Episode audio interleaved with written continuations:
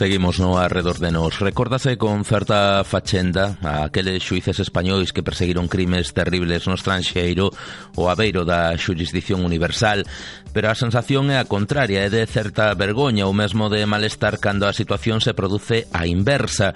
E son os tribunais de outros países da outra beira do océano os que piden explicacións polos crimes que aquí aconteceron durante 40 anos do século XX.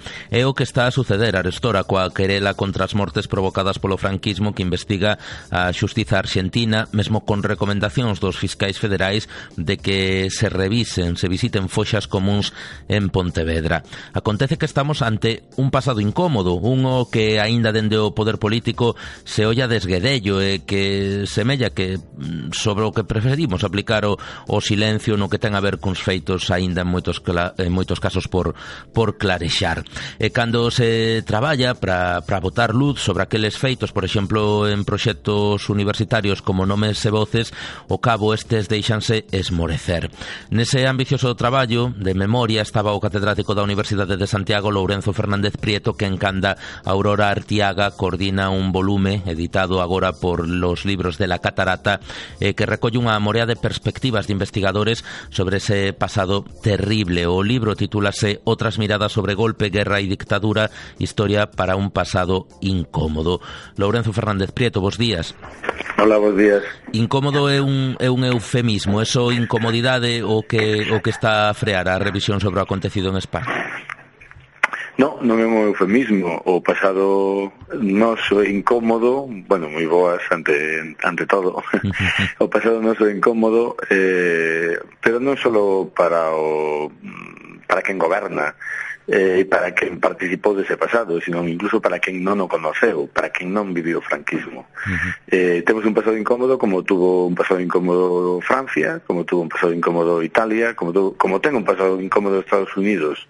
O problema é como o resolve. Tamén os Estados Unidos teñen un pasado incómodo uh -huh. de segregación racial, sí. e de guerra civil e de exterminio dos indios pero a cuestión non é esa, a cuestión é como somos capaces no presente de enfrentarnos a ese pasado incómodo, e o noso pasado incómodo porque nos volve constantemente e non nos resolvemos ben. A última prova, estabas ahora falando dese asunto, pois que o Ministro de Justiza que non debe de entrar nas determinacións judiciais e policiais responda directamente a unha requisitoria policial da Interpol mm. de un xui, dunha xuiza argentina eh, xa nos dice fin, é máis importante que todo o que eu poida decir agora. Determina a incomodidade dese pasado. Sí. Simplemente o que ven a decir é, eso non se toca. Uh -huh. O diga quen o diga. E non se toca judicialmente e policialmente porque mm, entendemos que houve unha amnistía que o regulou. Uh -huh. E tomamos unha decisión no seu tempo e hoxe non podemos tomar outra é o que caracteriza moito, digamos, esa dependencia do pasado, mm. ese pasado que nos ata, caracteriza moito neste tema, que ten que ver coa guerra civil, co franquismo, coa dictadura, coas persecucións, coas mortes, eh, cos roubos, cos anos mm. roubados, eh, coas foxas, cos... Mm. Eh, de, digamos, mm, determina moito presente, efectivamente, ou determina o presente, hasta certo punto, non? Falamos dun, dun pasado moi moi recente e, e, e con todo semella que aínda coñecemos pouco realmente de, de todo o que aconteceu. Foi por iso que, que, que naceu este libro. A ver, de feito no, no libro decimos que sabemos moi pouco do pasado e casi todo o que sabemos é mentira mm. ou non é atinado ou está desviado, non? Por que? Bueno, pois porque durante... Se a cuestión, non, insisto, non é solamente do poder, o poder tamén determina, pero tamén reflicte, non? E a cuestión é que durante moito tempo, pois houve dúas versións canónicas, e sigue habendo dúas versións canónicas do que foi ese pasado. Unha é a franquista e outra é antifranquista. E as dúas non se tocan, non se comunican, non dialogan, pero as dúas existen e aparecen. Aparecen nos manuais de texto, digamos que están misturadas. É como se a, a reconciliación nacional e o acordo da transición significase que collemos aprendemos un pouco de cada unha. Me explico, entón cada unha das cousas ten elementos de verdade, non? Eh, e iso está nos libros de texto, está nas series de televisión, está nos telexornais, está na conciencia que temos respecto ao noso pasado. Uh -huh. E o noso pasado é un pouco distinto do que nos creemos, ou moi distinto do, do que nos creemos. Uh -huh. Con que achegas contaron para este libro que voces recolleron e que perspectivas diferentes aportan? Bueno, pois somos 14 autores, eh, é unha parte do traballo de, bueno, pois de casi 15 anos ou 20 anos de traballo, detrás hai pois 10 teses de doutoramento e o traballo de nomes e voces uh -huh. non todo o traballo, pero sí que o que hai aí unha digamos, reflicte e destila e deriva eh, de todo ese inxente traballo non? Ser, moitas teses que estudiaron de, de, de algúns dos autores que están aí ¿no? Pois pues como Ana Cabana, como Daniel Lanero que estudaron o franquismo polo miúdo, non o franquismo que queremos que foi, sino no. que realmente existiu, o que hoxe podemos reconstruir como historiadores, non? que tampouco é o que realmente existiu, é o que hoxe reconstruimos como historiadores. Non?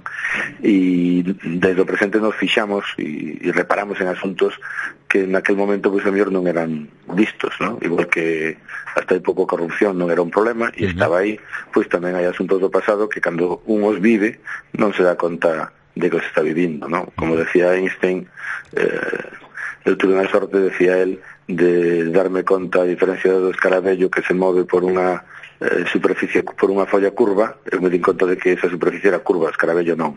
Pois a nos nos pasa o mesmo, ¿no? Os historiadores podemos mirar algo que naquel momento non se veía e hoxe vemos. Eh, eh, está a acontecer agora cando ingresa unha nova xeración, unha nova xeración en idade a política eh, que, que se pode por fin falar de, de revisar a transición, de abrir o, o fecho a, a algunhas cuestións, pero non sei se se a verdade, como din dende algún dende algunha parte do espectro político pode danar esa reconciliación que houve. A ver, a reconciliación é histórica e, polo tanto, foi un fenómeno que pasou no pasado, non? Mm, hoxe non eh, non podemos estar atados. A xente que naceu despois do franquismo se fai preguntas mm. simplemente. De, se pregunta por que a xente está nas foxas sin sacar dali, por que houve nenos roubados. E sobre todo se pregunta por que no ano 1936 houve un golpe de Estado, que ni siquiera lle chamamos golpe de Estado, porque lle chamamos guerra, mm. eh, no que foron asesinadas en Galicia pois en 4 meses unhas 3.500 persoas. Mm eh, non creemos que é normal eh, que os nosos estudantes e os nosos fillos e xente que é un pouco máis nova dos nacidos, se dos nacidos despois de 1970 se fagan estas preguntas se además están educados en libertade están educados en democracia, claro que eles se fan preguntas sobre o pasado, ás que non lles damos resposta pois este libro que está feito curiosamente por historiadores e historiadores nacidos todos, uh -huh.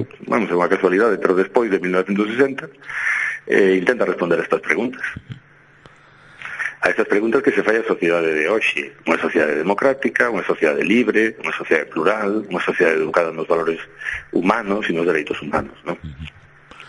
Vai ser posible no futuro sacar máis obras como esta tendo en conta que se retiraron fondos á investigación como os do proxecto Nomes e Voces?